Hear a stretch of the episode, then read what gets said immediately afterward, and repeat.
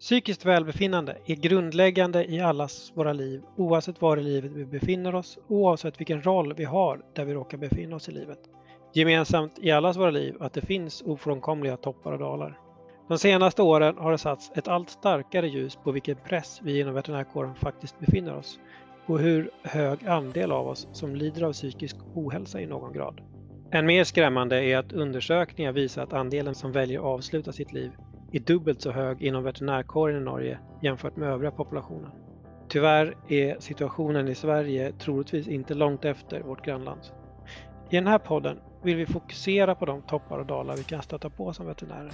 Du lyssnar till POP, Psykisk ohälsa-podden, en podd från Böringen Ingelheim med mig Karl Sötterman och till min hjälp har jag Helene Siljes Dalum och Marianne Linder Olsen.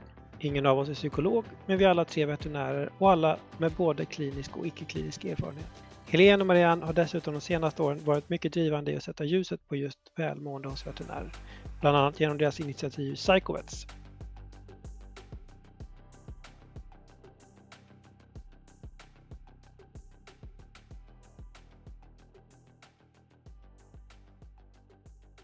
Hej och välkomna tillbaka till POP.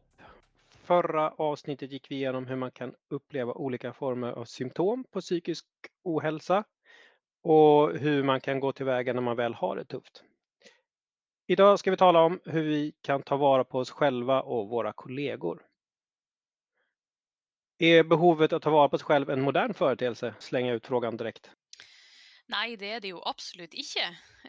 Vi vet jo det at uh, allerede på begynnelsen av 1900-tallet så var det her faktisk uh, blitt oppmerksomhet rundt innenfor legeprofesjonen. Og det var en uh, lege som heter William Osler som holdt en tale for avgangselevene på medisinstudiet i, på Yale-universitetet. Og han sa følgende at the young doctor should look about early for an avocation, a pastime, that would take him away from patients, pills, and potions. No person is really happy or safe without one, and it makes precious little difference what the outside interest may be. Botany, beetles or butterflies, roses, tulips or irises, fishing, mountaineering, or antiquities. Anything will do, so long as he straddles a hobby and rides it hard. Så det er jo veldig interessant mm. å tenke på at allerede på begynnelsen av 1900-tallet så visste legene at det var veldig viktig å ha noen arenaer utenfor jobb der du kunne koble fullstendig av jobb for å kunne være en god yrkesutøver. Så det her er absolutt ikke noe nytt. Det er superinteressant. Så det er på noen måte noe som vi kanskje har glemt av snarere enn noe som vi har kommet på, tenker jag. Ja, det tror jeg du har veldig rett i. Og det er, som vi har vært så vidt innom tidligere også, at vi må faktisk bedrive litt sånn styrketrening for hjernen vår også. Og i skoleverket så er vi veldig opptatt av å ha gym, og vi har veldig mye fysisk trening i løpet av utdanningen vår, ja. men vi har ikke så veldig mye mental trening. Og vi er helt avhengig av å styrke den psykiske helsen på den samme måten som vi styrker den fysiske helsen. Og vi har jo eh, neppe hørt om noen som har falt ut av skolen fordi at de har hatt for lite gym. Men ja. vi har definitivt alle hørt om noen som har falt ut fra skoleverket fordi at de fikk det for tøft og ikke, ikke klarte å stå i i livet rett och slett. Det är helt uppenbart att man behöver ha en, en, en vettig balans, vilket jag tror att i vår profession väldigt många tappar bort sig i. Om man tar med sig mobilen hem och man svarar på mejl och man ringer telefonsamtal på kvällstid och på helger och sitter med journaler mitt i natten och, och, så vidare. På vilket sätt påverkar det hjärnan? Det er veldig interessant at du sier det. Eh, det her med å koble av jobb, det er kjempeviktig, og faktisk både på kveld, men det er helt nylig nå faktisk publisert en eh, norsk studie som viser det at lunsjpausen på jobb eh, også er veldig veldig viktig. Og der tror jeg nok, og jeg kjenner igjen meg sjøl fra min tid i klinisk praksis, mm. da var det veldig fort at man på en måte trykka i seg en brødskive mellom eh, poliklinikkrommet og kirurgisalen f.eks. Ja. Men det de har funnet ut i den forskningen her, er at den lunsjpausen og det avbrekket fra jobb eh, i løpet av arbeidstiden er minst like viktig som å legge bort jobben på kveldstid. Eh, men begge de eh, si, variantene, at du ikke får spist lunsj og det at du tar med deg jobben eh, hjem, har negativ innvirkning på den psykiske og den fysiske helsen faktisk. Ja, jeg tenker at det har ekstra mye, eller ekstra mye, men det, det er enda mer opp i ljuset nå med tanke på covid, med alt det innebærer at man jobber hjemmefra og sånt. Jeg kan se til meg selv ibland att man tar gärna en smörgås och så sätter man sig vid datorn igen och äter den istället för att faktiskt ta en paus som man kanske behöver. Om man, om man ser till, till, till, oss som har ett ad, mer administrativt jobb snarare än ett rent kliniskt jobb. Och det, det gäller väl för övrigt även klinikerna. Men, men jag tror att det i högre grad blir mindre pauser för mig nu när jag sitter hemma istället för att ha resor ute i fält. Så det är någonting man behöver fundera på aktivt varje dag, tror jag. Mm. Precis som man behöver tänka på att jag måste ta mig tid att gå till gymmet. Ja, helt klart. Og det er jo kanskje litt spesielt nå når eh, vi har en, eh, en pandemi hvor mange sitter isolert eh, hjemme og ikke har noen å snakke med i lunsjpausen, eller kanskje ikke tar lunsjpause. Det er jo veldig andre, annerledes tid nå. Det er jo også noe som er verdt å tenke på det her handler om hverdagsvaner, ikke sant. Og når man mister da de faste rutinene sine, som f.eks. det å ta bussen eller kjøre til jobb f.eks., så mister man mye ut av de rutinene og de rammene man har for hverdagen sin til vanlig. Og da kan det være vanskeligere å faktisk holde de gode hverdagsrutinene som mm. man vanligvis har i en normalsituasjon. Så det er ingen tvil om at eh, pandemien har påvirka oss. Og det er jo mange nå som Jeg sjøl har jo også hatt hjemmekontor i snart et år. Det, mm. det, det gjør definitivt eh, noe med rytme rytmen i hverdagen. Alltså. Ja, ibland kan man, i alla fall jag känna att dagarna på något sätt flyter ihop för att det, mm. det är mest, man, man, är hemma, man kommer inte ut utan man jobbar och man tar barnen till, till skola och aktiviteter. Men det blir liksom inget avbrott från hemmavistelsen. Hemma och jobb blir samma sak i, till slut kan jag känna. Um, så där tvingar jag ju mig själv, om jag, går, om jag går tillbaka till mig själv så tvingar jag mig att gå ut med hunden. Hunden behöver gå ut men ta lite längre promenader midt på dagen än vad jag kanske skulle ha gjort om jag var ute och körde. Ja, det er nok viktig å ha en, eh, ha en bevissthet rundt det.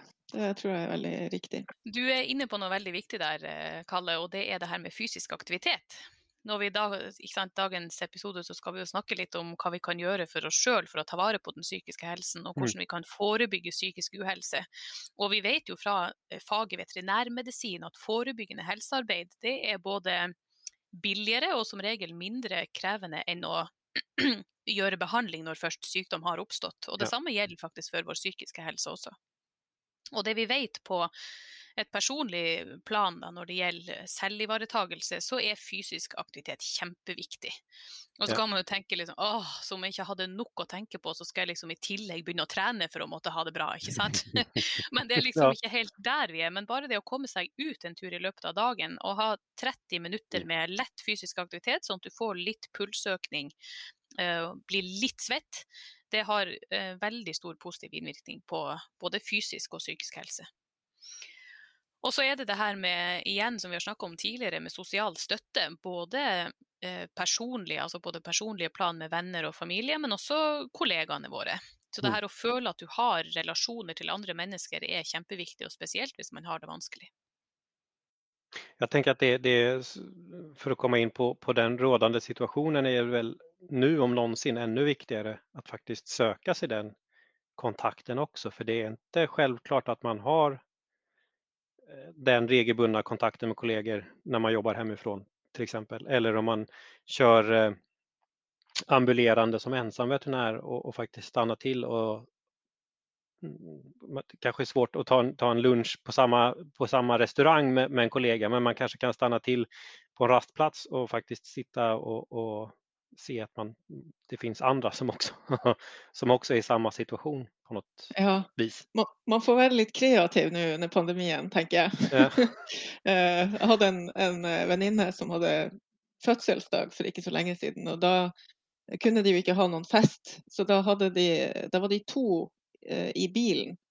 Uh, mm. og så, som, som kjørte rundt til forskjellige stopp rundt omkring i byen. Og der var det én og én venninne som sto med et glass champagne på forskjellige stoppesteder.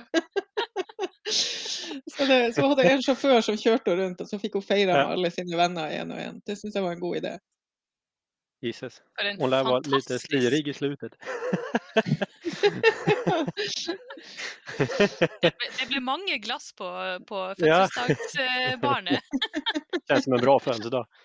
Ja. ja. Det er jätteroligt Et fint alternativ. Så tror jeg kanskje også i tillegg til de relasjonene vi har, så må vi faktisk øve litt på den relasjonen vi har til oss sjøl. Vi har så vidt vært innom det tidligere, og det her med at man er veldig rask til å være kritisk mot seg sjøl og mot sine egne prestasjoner. Vi er vår egen største kritiker, ikke sant. Ja. Og det her å behandle seg sjøl som du ville behandla din beste venn, det er kjempeviktig. Så ikke bare må man eh, jobbe med relasjoner til andre mennesker, men også relasjonen til seg sjøl. Men det her krever øvelse. Det er veldig mm. lett å si det at du skal være snill med deg sjøl, men, men, du må faktisk øve på det. fordi at veldig mange av oss som er veldig sånn selvkritisk, eh, perfeksjonister, vi har en tendens til å ha en del sånne tankemønstre som er veldig negativt ladd for oss sjøl. Og nummer én mm. er jo faktisk å begynne å som et sånt første steg å analysere litt og prøve å tenke over hvordan du faktisk snakker til deg sjøl i ditt eget hode. Mm. Og så kan du stille kontrollspørsmål. La oss si at man jobber i klinisk praksis, da, og så har man gjort en feil. Og da tror jeg man er ganske streng med seg sjøl veldig fort. Og så vil jeg da på en måte spurt meg sjøl OK, nå sier jeg det her til meg sjøl inni mitt eget hode. Er det her noe jeg ville sagt til min kollega hvis min kollega hadde gjort samme mm. feil? Sannsynligvis ikke. Men det her er en sånn eh, oppmerksomhetstrening og, eh, som man faktisk må være litt sånn både observant på, men også jobbe litt med for å klare å snu. Eh, og jeg, både meg sjøl inkludert, men også jeg kjenner mange som har en tendens til å være ekstremt kritisk til egne prestasjoner. Mm. Det, her, det, her, er jo noen ting som jeg fikk lære meg eh, Eh, etter at jeg brøt sammen og ble sendt inn i psykiatrien, som var jo, føltes der og da som mitt livs største nederlag, men som jeg skjønte etter hvert var veldig, veldig bra. Da jeg fikk kognitiv terapi, så lærte jeg utrolig mye om tankemønster og hvordan hjernen egentlig fungerer, og hvordan hjernen kan snurre seg inn i et mønster uten at du egentlig er mm. klar over det. Det var en ekstremt lærerik reise. For mitt jeg trodde jo på alle de negative tankene som kom fordi jeg følte meg utilstrekkelig på alle felt og gikk rundt med dårlig samvittighet hele tiden. Eh, så, så trodde jo jeg at alle de der negative tankene jeg hadde, var sann. Men så viste det seg at de var jo ikke det. og det var en ekstremt effektiv måte å jobbe på sammen med terapeuten. Eh, hvor vi bl.a. tok en av mine negative tanker. Det kunne f.eks. være at jeg er en forferdelig dårlig kirurg. Og så hun skrev hun tanken opp på en whiteboard. Og så mm. skulle jeg argumentere sant og usant. Hva er argumentene for at denne tanken er sann, og hva er argumentene for at denne tanken er usann? Og mm. jeg hadde veldig stor motstand mot dette i begynnelsen, men etter hvert så løsna det litt. Og da forsto jeg jo sjøl Altså den lista med, med, argumenter mot at tanken var sann, ble jo alltid veldig mye lenger enn den lista med argumenter for at mm. tanken var sann. Så mm. da forsto jeg sjøl liksom Herlighet, hvor dumt alt det her som jeg drev og tenkte. Jeg trodde på det, men det var jo ikke sant. Mm. Og jeg lærte også en sånn Jeg hadde en veldig fin terapeut, og hun, hun var veldig søt. Hun sa du må se for deg, du, du, må kjenne igjen når de her tankene kommer. Og så må du bare se for deg et sånt stoppskilt. Eh, så jeg hadde et sånn indre bilde av denne terapeuten min som kom med det her stoppskiltet som man kan se langs veien. når jeg kjente at de her negative tankene kom. Så det var en veldig lærerik reise å få kognitiv terapi. Det er kjempeartig at du sier det med stoppskilt, Marianne. fordi jeg har hørt eh, en psykiater og foredragsholder som jeg er veldig glad i, som heter Ingvard Wilhelmsen. og Han beskriver det egentlig på akkurat samme måte. Han er veldig opptatt av at du får ikke du kan ikke kontrollere hva du tenker på eller hvilke tanker som ramler inn i hodet ditt, men du kan velge hvordan du forholder deg til dem. Altså holdningene dine til tankene dine. Mm. Og han sier det så fint at um, hvis du får da en tanke, og det kan være typisk sånn en negativ tanke, som Marianne sier, eller for min del da, som opplevde angst, at jeg får den her angstfølelsen og de angsttankene mm. igjen, og den krisemaksimeringen. Så sier han at du kan håndtere de tankene egentlig på to ulike måter. Du kan se for deg at uh, den tanken er den plagsomme naboen din. Og mm. Alternativ én er at når denne naboen kommer og banker på døra di, og du kan ikke fordra denne naboen, du vet at han kommer med bare tull. Ja. Eh, nummer én er at du kan ta den naboen inn, du kan invitere ham på kaffe, sette fram småkaker, småprate med denne naboen. Og da blir du på en måte okkupert ikke sant, over ganske lang tid. Ja, ja. Og sannsynligheten for at denne naboen kommer til å komme tilbake og banke på døra di igjen, er ganske stor, fordi han vet at han blir tatt inn i mm. varmen. Og det andre alternativet er når denne tanken eller den naboen kommer, så, eh, og den banker på døra di, så kan du faktisk høre at det banker på, og så kan du la være å åpne døra. Du kan anerkjenne at OK, naboen er der, tanken er der, men jeg velger faktisk å ikke gi den næring og la den få lov til å blomstre inn i mitt hode eller inn i min stue. Og det syns jeg er en så utrolig fin analog, men det her er også en sånn øvelsessak som sikkert også Marianne kjenner seg igjen i, at det her er ting du må gjøre over tid. Du mm. må lære opp tankemønstrene dine eh, til å ikke reagere. For at når man da får for mye av de her negative tankene, så begynner det å sette seg som følelser, altså de fysiske ja. symptomene i kroppen. Og det her kan læres av det er en avlæring, rett og slett. Mm. Den sammenhengen mellom de tankene og de følelsene som kommer.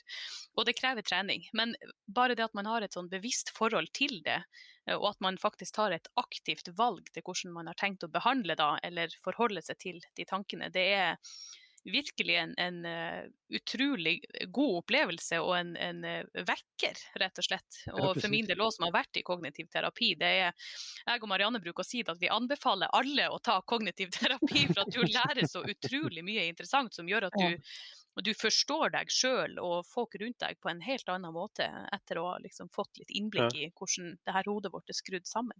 Så om det er noen som kommer og banker som er en negativ tanke, åpne ikke.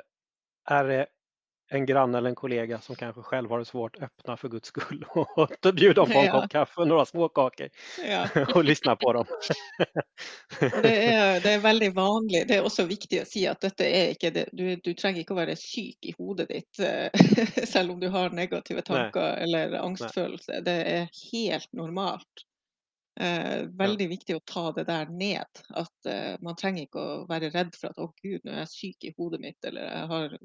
unormale tanker'. Det er helt normalt.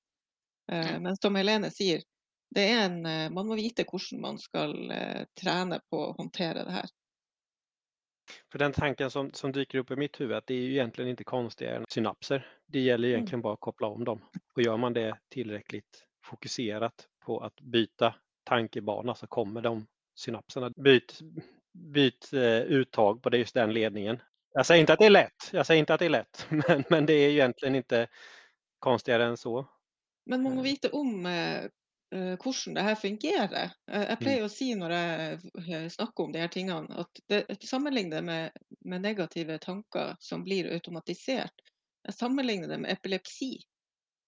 Da har du en, mm hvis du har et epileptisk anfall, så er det jo alle de her synapsene som fyrer av litt sånn her ukontrollert, og så blir det til en mm. liten sti.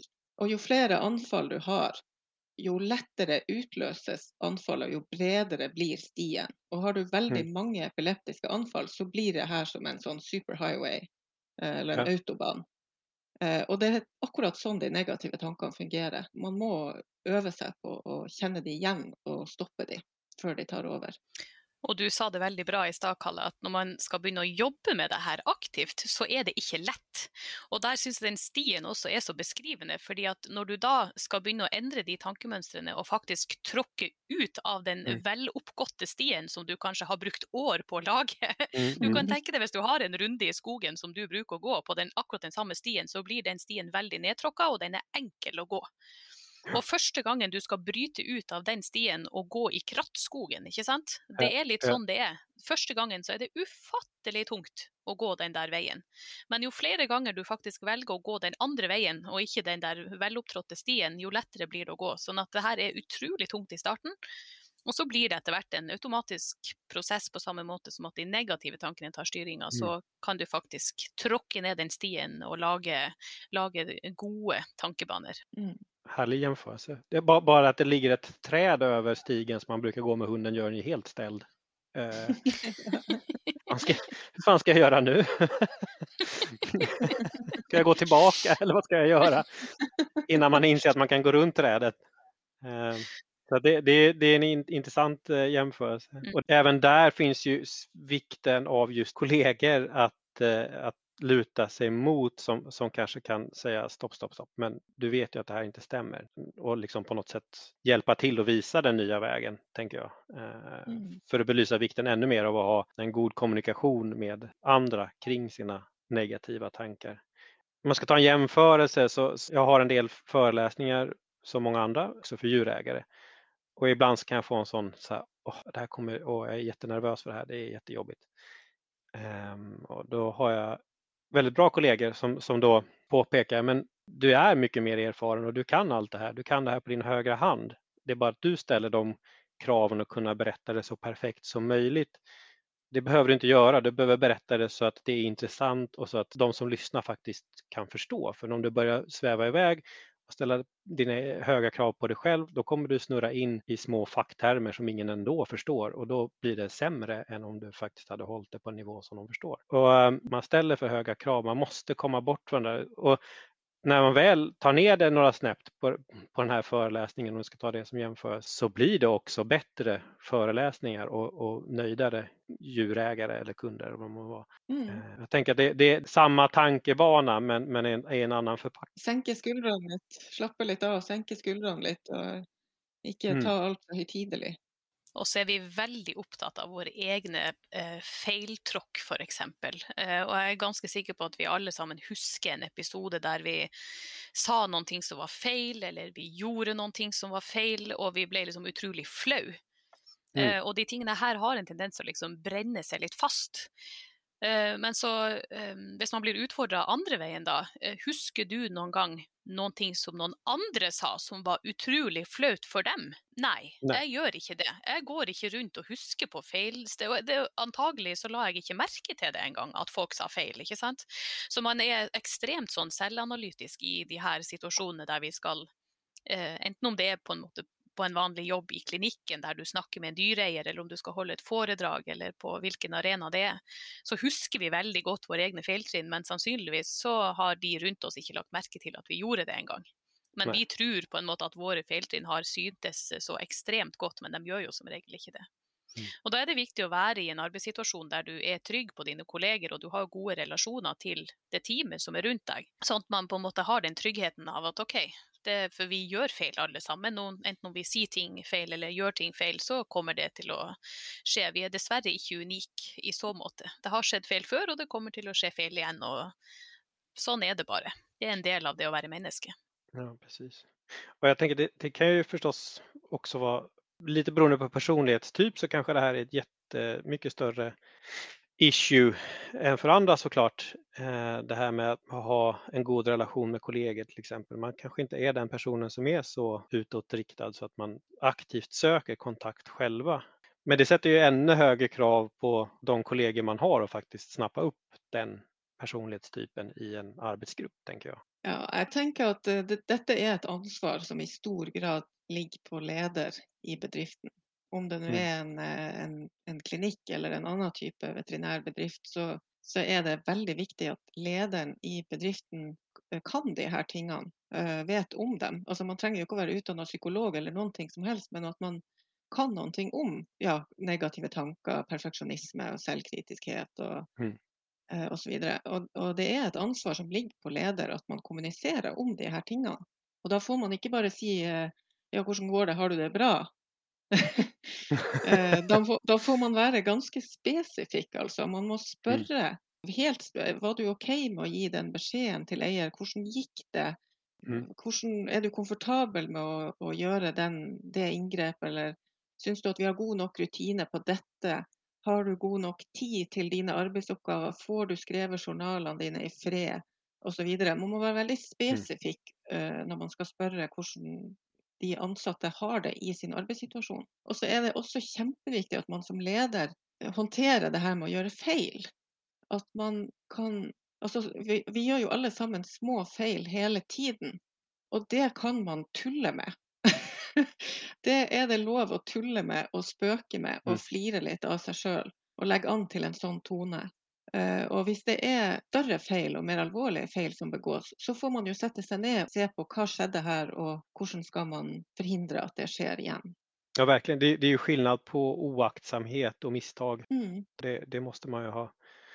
Och jag, jag, är väldigt noga med att tjata på mina barn, eller tjata på mina barn och säga att det, det är okej okay att göra fel. Man mm. behöver inte vara oförsiktig, men man får göra fel. Mm. Eh, man lär sig av sina misstag. Det, det, är liksom, det, det, är det sättet vi lär in som människor. Vi gör saker och så, så går det inte som vi har tänkt och så, så gör vi om det. Och till slut så blir det som vi hade tänkt. Um, med det sagt så ska man ju ha en, såklart ha en bra grund, men det får vi ju i, i utbildningen och förhoppningsvis i vidareutbildningar. Då. Mm. Men det hörs att jag ska, om jag går tillbaka till kliniskt arbete, då ska jag börja jobba hos dig Marianne, det är helt klart. ja, nu sitter jag här och snackar över mig och høres, höres ut som jag har full koll på det här med att vara ledare, men det, sånn är det ju inte selvfølgelig. Jag gör ju massa fel som ledare också, eh, men, men eh, akkurat det här med kommunikation och, och, eh, mm. och det att vara obs på hur mina kollegor har det, det genom min egen erfaring selvsagt så, ja, men, och det får man inte heller glömma som, som, då, som kanske inte är ledare, att, att även ledare kan göra fel. så att säga. Det, mm. eh, chefer är inte ofelbara heller, de är ju människor de med.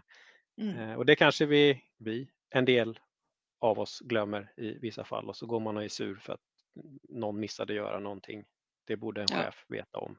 Mm, men någonstans måste man, måste man eh, ändå ta i beaktande att alla är vi människor och ingen är ofelbar på något vis. Ja, og eh, den her, jeg, jeg la jo et voldsomt taperstempel på meg sjøl mm. i det øyeblikket jeg ble henvist til psykiatrien. Mm. Og det prøver pröva å minne meg på om at eh, altså de typisk de som brenner seg ut. Det er jo som Helene sier, det er de som har noe å brenne for. Mm. Vi elsker jobben vår og bøyer oss kanskje litt for langt av den grunn vi er high achievers. Vi er ressurssterke resursstarka mm. mennesker. Det er ikke noe mystisk med at vi brenner oss ut og får en depresjon. Nei. Viktig att man ikke tenker at det er bare meg som ikke håndterer denne jobben godt nok. Du er ikke alene.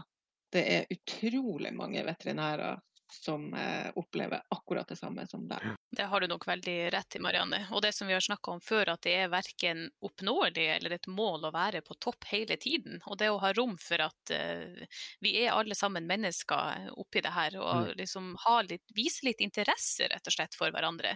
Spørre mer, og gjerne spørre åpne spørsmål. Marianne sa det så fint i stad. Uh, uh, hvordan gikk det? Det er et typisk åpent mm. spørsmål, i stedet for å spørre har du det bra, eller gikk det bra? For da er det veldig mm. enkelt å bare si at ja, det gikk fint, eller jeg har det bra. Men med en gang du stiller de her åpne spørsmålene som ikke er så lett å svare ja og nei på, så krever det mye mer, og det krever eh, mer å eh, avfeie det hvis du får et åpent mm. spørsmål, enn om du mm. Eh, får et sånn vanlig ja-nei-spørsmål. Så man må liksom ikke være redd for det, og jeg er sikker på når du har jobba sammen med noen, så har du veldig fort en følelse av om folk har det bra eller ikke. Man merker det ganske fort hvis noen er litt utafor og mm. eh, ikke oppfører seg liksom helt som vanlig. Og det er ingenting som blir verre hvis man spør.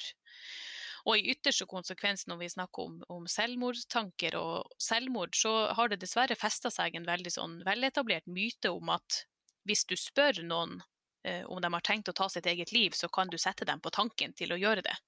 Mm. Eh, sånn er det absolutt ikke. Det er faktisk nesten motsatt. At hvis du spør om det, så har kanskje de, hvis man er kommet så langt at man eh, er kommet dit at man har tanker om å ta sitt eget liv, så opplever de fleste det faktisk veldig sånn frigjørende at åh, nå kan jeg faktisk si de tingene her høyt. Nå er det noen som ja.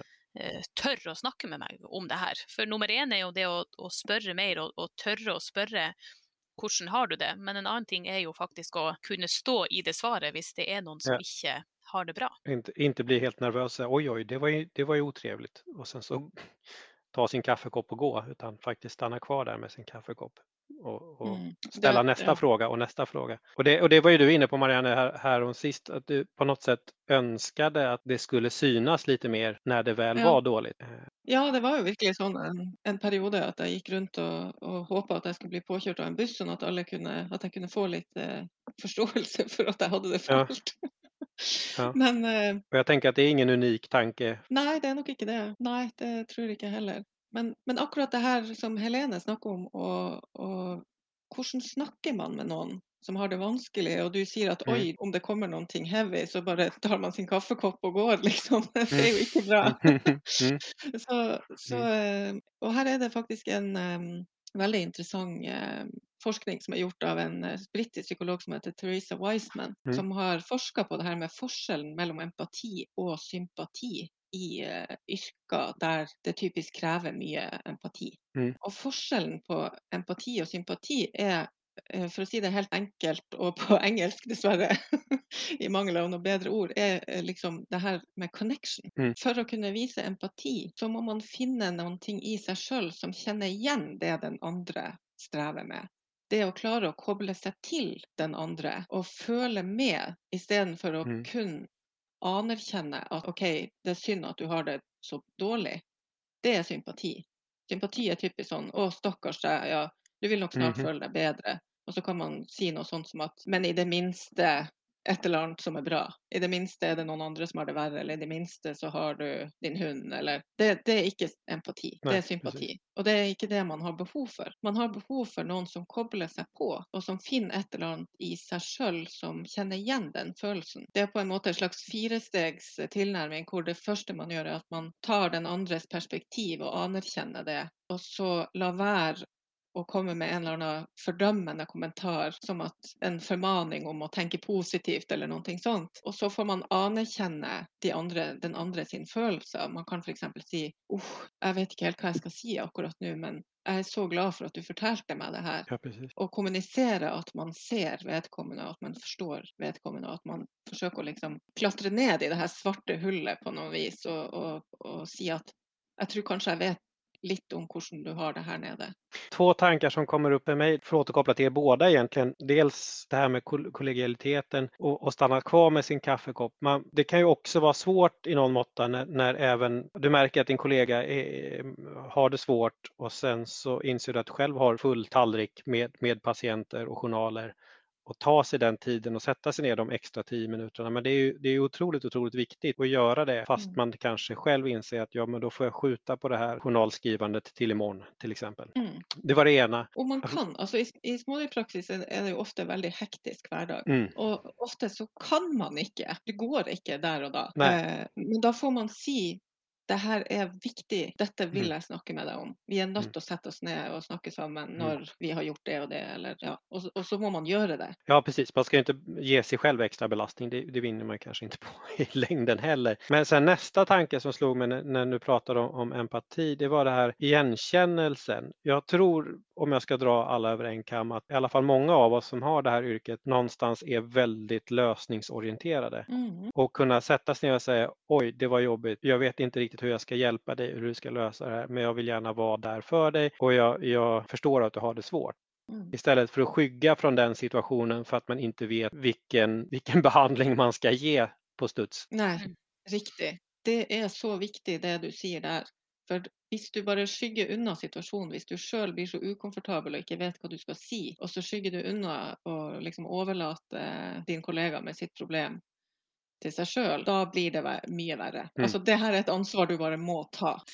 Og jeg tror det her, er, det her, er, en kjempeviktig diskusjon. Vi er nok som yrkesgruppe og som persontyper veldig løsningsorientert. Og da, hvis det begynner å bli på en måte ubehagelig mye som du får delt med deg, så er det liksom nummer én skygge unna, men det skjønner de fleste at man ikke kan gjøre. Og da tror jeg det er veldig lett at man tyr til de her Uh, hun, hun, professoren eller hun forskeren som du refererer til, Marianne, hun bruker et, uh, et, engelsk ord og hun kaller det for 'silver lining it'. Mm. Altså du får høre noe vondt fra noen, og så prøver du på en måte å ta det vonde og så liksom eh, pakke det inn i uh, sølv. Altså, mm. For å få det til å fremstå litt bedre. OK, du skal gjennom en skilsmisse nå, men du har i det minste vært gift. Fordi at jeg tror vi alle føler på et veldig sånn mm. behov for å komme med et eller mm. annet, og komme med et sitat eller kunne si noen ting som hjelper. Men det er jo egentlig hele poenget i det her at eh, hvis du først har det vanskelig, og hvis du først har en depresjon eller hvis du har angst, som har vart over noe tid, så er ikke det her noen quick fix. Det er ingenting du kan si der og da som kommer til å ta bort alle problemene for vedkommende. Men da er det så viktig som Marianne sier, at du må si at OK, jeg skjønner at du har det vanskelig, og det er kanskje ingenting jeg kan si nå som gjør at du føler det bedre, men jeg skal være her sammen med deg. Og jeg har veldig lyst til å lytte til det du har å si. Og signalisere at man er tilgjengelig, signalisere at jeg tåler å stå i at du snakker om det her. Og så er det faktisk viktig at hvis eh, det, det, er noen rundt deg som har det vanskelig, og det her å tørre å spørre Hvis du får noen mistanker om at det her er noen som har det så vanskelig at de tenker på å ta sitt eget liv, så spør om det også rett ut. Mm. Og, og, det kan også være veld, et veldig ubehagelig spørsmål å stille, men eh, øv gjerne på det foran speilet før du snakker med dem. Har du tenkt å ta ditt eget liv? Har du tanker om å ta ditt eget liv? For det, er, det kan være livreddende, altså, hvis det er mm. noen som først uh, har det så vanskelig. Mm. Men det er viktig å huske på at du som kollega eller som venn, så skal du ikke komme med en løsning, men du skal være der med din uh, tilgjengelighet. Mm. mm. Mm. Jag tänker det, det är också en tanke som slog mig nu. Om man då sitter där och så får man den känslan och, och kanske spör, ställer frågan, och så får man litt halvvagt svar, svar och så vet man inte vad man ska göra. Jag, själv hade man nog haft svårt för man har ju någonstans fått förtroendet av den här vännen eller kollegan att prata om det här. De har släppt in en och, och tala om sina problem. När man inte vet så ska man väl kanske inte heller vara rädd att ta det vidare med någon som, som kan hjälpa en att hjälpa. Eh, även om det kanske mm. innebär ett förtroende Mm. Eh, våga ta hjälp av någon annan att hjälpa, är det jag försöker säga. Vad, finns det någon Absolutt, det er kjempeviktig som du sier. Hvis noen eh, deler med deg at de har tanker om å ta sitt eget liv, så er jo det en ekstremt personlig eh, innrømmelse, da, kan du si. Mm. Eh, men det er veldig viktig at man ikke sitter eh, alene med den kunnskapen. Hvis det er noen som faktisk er, eh, har det så vanskelig at de har selvmordstanker, enten eh, på en måte bare et ønske om å ikke leve, eller at de eh, gir deg signaler om at de allerede har planlagt f.eks. å ta sitt eget liv, eh, så er det definitivt informasjon som du er nødt til å dele med andre, enten mm. nære pårørende eller, eller ja, eller helsevesenet, rett og slett. Og er det noen som er i akutt selvmordsfare, at du kjenner at vet du hva, hvis en person her går hjem alene nå, så føler ikke jeg meg trygg på hva som kan skje, så, så bør man varsle helsetjenesten, altså mm. nødnummeret, rett og mm. slett, for å få folk inn i, i helsetjenesten, sånn at de får riktig hjelp. Og det, det, er uansett hvilket land man sitter og lytter, skal tillegges. Ja, absolutt. Man, for, man, forstår kanskje ikke Det er ikke alltid at man forstår sjøl hvor dårlig man har det, sånn, sånn, som det var i mitt tilfelle. da. Jeg, jeg skjønte jo ikke hvor ille det var. Eh, og når, man, når, jeg da kom til eh, psykiatrien og de gjorde en sånn her uh, multiple choice-test for å finne ut hvor, hvor deprimert jeg egentlig var, så, så var jeg jo uh, langt innafor det som betegnes som å være suicidal. mm. uh, og for meg jeg må si jeg, jeg har ikke Jeg hadde jo veldig ofte den følelsen av at jeg ville bare forsvinne. Mm. Man har jo tidligere hørt ikke sant, om selvmord og folk som tar sitt eget liv. Eh, og jeg har eh, reflektert over det sånn i forbifarten tidligere at, eh, at jeg har ikke helt skjønt hvor, hvor ufatt, hva er det som får noen til å ta det steget? Hvor ufattelig mørkt det må være i livet da. Og jeg var, jo, jeg var, jo, faktisk der. Uh, men det er jo ikke sånn at man Det er jo ikke fordi at man ønsker døden eller, eller, at man har en dragning mot døden. Det er jo fordi at man Det blir løsninger å bare bli borte. Fordi at mm. man håndterer mm. ikke livet lenger, rett og slett. Uh, men jeg var ikke klar over altså Selv om jeg hadde tenkt mange ganger at jeg skulle ønske jeg kunne slippe å våkne i morgen. Mm. eller Eh, Nå vil jeg bare forsvinne. Eh, jeg så ingen utvei. Eh, men, men, jeg hadde jo ikke kommet så langt at jeg hadde liksom tenkt på hvordan skal jeg ta mitt eget liv, eller at jeg skulle ta mitt eget liv. Det hadde jeg ikke. Men det, det er bare for å poengtere at uh, du kanskje har det, det, det, Man kan være langt nede uten å egentlig forstå det, fordi at vi har så mm. stor grad av mm. arbeidsglede. Mm. Absolutt. Og det, det är ju också en av de första sakerna när man kommer till eh, vårdcentralen och allmänläkaren. Det är en av de första sakerna de frågar. Har du tankar på att ta, ta ditt eget liv? Och för min del så var frågan så här, vad? Kan ni verkligen ställa den här? Det är så, det är så bra att vi, ni tar upp det här. för jag tänkte genast, kan man ställa den frågan om jag vore där? Hade inte det varit vanskligt att ställa den frågan? Men det, det, det är ju tydligen så att det, det inte ökar risken utan snarare tvärtom och det, det, är lite därför vi tar upp det nu också, tänker jag. Och som Marianne säger, hon är ju ett levande exempel på att ting blir bättre Mm. Men det er veldig vanskelig når du er eh, fanget i de her spiralene med negative tanker, om det er depresjon eller angst eller utbrenthet, eller sånn, så er det veldig vanskelig å liksom se den der utgangen på det. Men det finnes altså De fleste veterinærer har jo tiltro til uh, den her uh, ja, anerkjennelsen av kunnskap. Og det mm. finnes jo så utrolig mange dyktige mennesker der ute som har enorm kompetanse på våre tanker og på våre følelser, og hvordan det henger sammen med atferden vår. Så det er eh, Hjelpetilbudet er der, og det er bare det å liksom tørre å ta det skrittet og, og be om hjelp. For ting blir bedre, og det mm. finnes eh, gode og effektive metoder for å komme seg ut av de her eh, negative tankemønstrene. Og nå er jeg helt sikker på at det sitter noen og tenker at det gjelder ikke meg.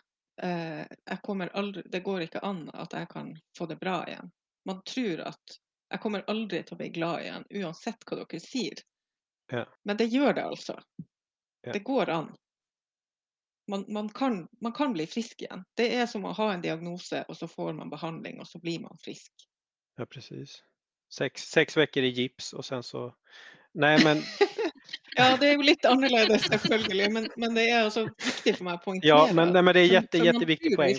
at jeg jag skämtade bort men det. Ja, for man, man tror virkelig at man, man kommer aldri å bli glad igjen, uansett hva mm. noen andre sier humor er kjempeviktig, og det, derfor syns jeg også det er kjempebra at vi har evne til å faktisk le litt og, og skøye med det. Fordi at eh, humor er også en måte å, å bearbeide ting på. Mm. Både vanskelige ting og fine ting. Sånn at uh, ja, den evnen til å ikke ta seg sjøl så høytidelig. Og det er jo litt av min og Marianne sin mission, ikke sant. Vi har kalt oss sjøl for psykovets. Og det er jo et ledd i akkurat det her å bygge ned det stigmaet rundt psykisk helse. Fordi mm. at hodet vårt henger fast på kroppen vår. Mm. Hodet vårt er en del av helsen vår, og vi må ta vare på begge deler. Og det er ikke farlig å snakke om de tingene her. Og det henger sammen med hardcore fysiologi, som alle veterinærer skjønner mm. mye av. Jag tänker på det, kan det vara hela eh, det här tabun eller vad vi ska kalla det för som ligger kring psykisk ohälsa och eh, självmord och så vidare. Är det ett arv vi har historiskt från, från eh, vår, vår djuprotade lutheranska inställningen som var kring, kring hela den debatten? Förstår ni? Om man ser till historiskt, vad tror ni? Är det, det här att det, det kom en präst som stod och, och, och, tittade ner på församlingen och sa att det är en synd, ni ska skämmas allihopa, ni ska inte prata om det här och det sker inte i min församling. Det, finns det en connection däremellan? Är det med jag menar? Är, är det därför vi har så svårt att prata om det eller vad, vad tänker ni? Tradisjonelt sett så har nok det her vært ting som har vært veldig vanskelig å snakke om. Jeg har lest en del litteratur fra eh, førkrigstiden f.eks., der de eh, kaller depresjon f.eks. For, for svartsjuken. Mm. Eh, det var folk som bare lå på soverommet sitt og ikke kunne snakkes mm. til. Og, eh, og da, man, da, ble man jo omtalt som, som sinnssyk. Mm. Og det er for så vidt en god beskrivelse, mm. men også noe eh, negativt ladd da, kanskje. Mm. Eh, har blitt, i hvert fall. Eh, og så har jo oppmerksomheten rundt og åpenheten rundt psykisk helse generelt i samfunnet blitt veldig mye bedre de siste årene. Samtidig som at vi nok har fått mye mer kunnskap om psykisk helse de siste årene også. Det er klart at For lenge siden så var jo også kunnskapsgrunnlaget om hvordan tankene og følelsene våre fungerte, var jo veldig sparsomt. Mm -hmm. så både i takt med at vi har fått mer kunnskap om det, men også mer åpenhet rundt det, det er kjempeviktig i, på den veien mot å normalisere psykisk helse som en del av enhälse. Jag tänker att nu har vi pratat jätte, haft en jättebra diskussion kring hvordan hur vi ska ta vara på oss själva och varandra och signaler vad, vad vi kan se oss själva och varandra. Hur ska vi på någon sätt gå, gå tillväga rent praktiskt i vardagen för att se till att ta vara på oss själva och, och på våra kollegor, inte minst i, i, i kåren? Ja, det er jo 10 000 kroner spørsmålet, det, Kalle. That's why I'm here. ja. Um, men ja, altså Jeg tenker i hvert fall i en hektisk uh, hverdag. Uh, vi er jo ofte multitaskere, uh, vi veterinærer. Forsøker å gjøre veldig mange ting samtidig. Og det tror jeg er viktig å være klar over at selv om du er god på multitasking, så kan du ikke gjøre så fryktelig mange ting samtidig. Uh, man må forsøke å rydde bort unødvendige avbrytelser og forstyrrelser i sitt daglige arbeid. Og si at OK, nå skal jeg gjøre dette, denne oppgaven skal jeg gjøre nå. Og da får ingen lov å forstyrre meg, eller jeg skal ikke tenke på noe annet de neste 20 minuttene. Um, så at man får en, en slags sånn selvledelse der man er obs mm. på at man skal gjøre én ting om gangen, eller kanskje to eller tre. Ja. Men i hvert fall ikke prøve å gjøre ti ting samtidig. ja. så, så, det å lede seg sjøl på det viset og, og, og, eh, og, faktisk For det er ikke alltid at eh, de som er rundt deg, forstår at du faktisk holder på med tre ting samtidig når du er i ditt arbeid. Og da må man eh, ha nok respekt for seg sjøl til å si at nå må det der vente, for nå holder jeg på med dette. Mm. Uh, så uh, det å være litt uh, rak i ryggen og si at OK, men dette er viktig, og nå holder jeg på med det. Nå løser jeg det noe først, og så får vi komme tilbake til de andre tingene. Mm. Og så er jeg veldig opptatt av det her med kollegialitet. Um, jeg vet ikke hvordan det er i Sverige, men, men det har i hvert fall vært sånn, litt sånn her i gamle dager i Norge at det er ikke alltid at veterinærene har snakka så pent om hverandre. Nei. Og det er, eh, er, jo en enorm belastning eh, at, man, eh, at, man, skal måtte tåle baksnakking eller offentlig kritikk av seg sjøl og sitt mm, arbeid fra en mm. kollega. Det må vi for all del unngå. Det rekker med at vi, vi har drev på internett fra dyreeiere, tenker jeg. Ja, altså det er altså sånn at uh, vi, har, vi, har, så mange belastningsfaktorer ellers. eh, og man må prøve å tenke at eh, altså, vi må forsøke å tåle f.eks. at en kollega sender et litt dårlig røntgenbilde med, med, en henvisning. Mm. Du vet ikke hvilken situasjon dyrlegen eller din kollega sto i da det røntgenbildet ble tatt. Kanskje var det midt på natta, kanskje mangla den hjelpepersonell.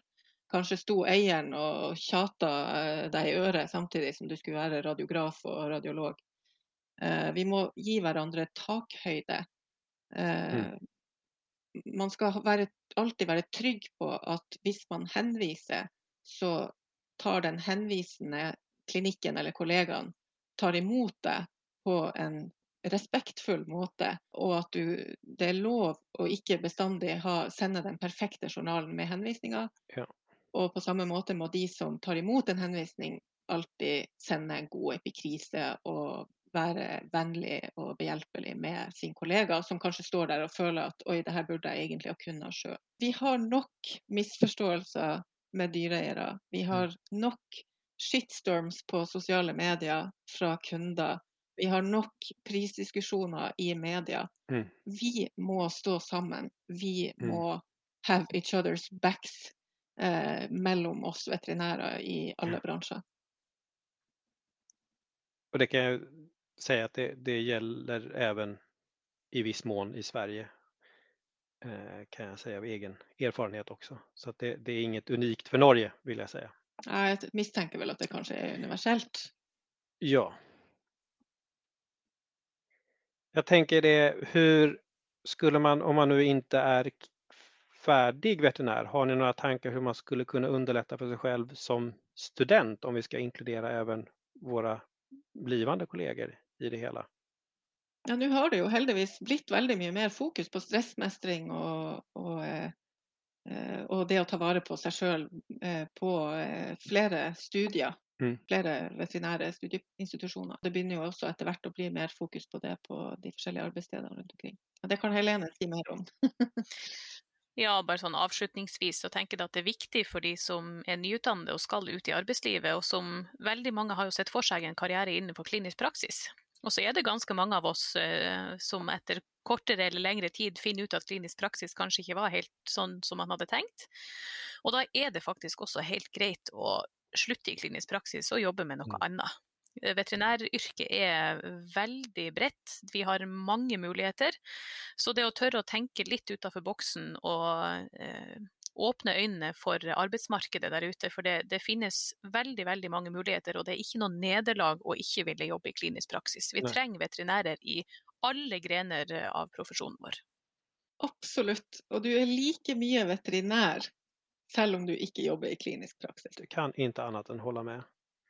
Jag tänker att vi, vi avslutar där för idag eller för hela den här poddserien som det ser ut just nu. Vem vet, kanske kommer vi tillbaks med, med eh, bonusavsnitt eller uppföljningar. Vi kan i alla fall hoppas det. Det har varit otroligt lärorikt och otroligt roligt att få lyssna på er och få, få diskutera de här ämnena med er. Även om ingen av oss som sagt är eh, psykolog så, så har ni otroligt mycket erfarenhet både teoretiskt och praktiskt i ämnet och jag tackar er jätte, jättemycket för att ni vill vara med i den här podden. Tack så hemskt mycket. Tusen takk for at vi har fått være med. Dette er utrolig gøy å få være med på. Og jeg håper som sagt at eh, de som har hørt på, kan finne litt eh, hjelp eller trøst eller finne motivasjon til å snakke med noen hvis det er noen som kjenner at de har det vanskelig. Ja, tusen takk, eh, og all mulig kred til Børinger som laga denne podkasten. Og så eh, Det viktigste budskapet er kanskje at det er gøy å være veterinær. Det er jätteroligt å være veterinær, og mår man dårlig så blir det bedre. Ta hjelp av venner, kolleger, slekt og profesjonelle.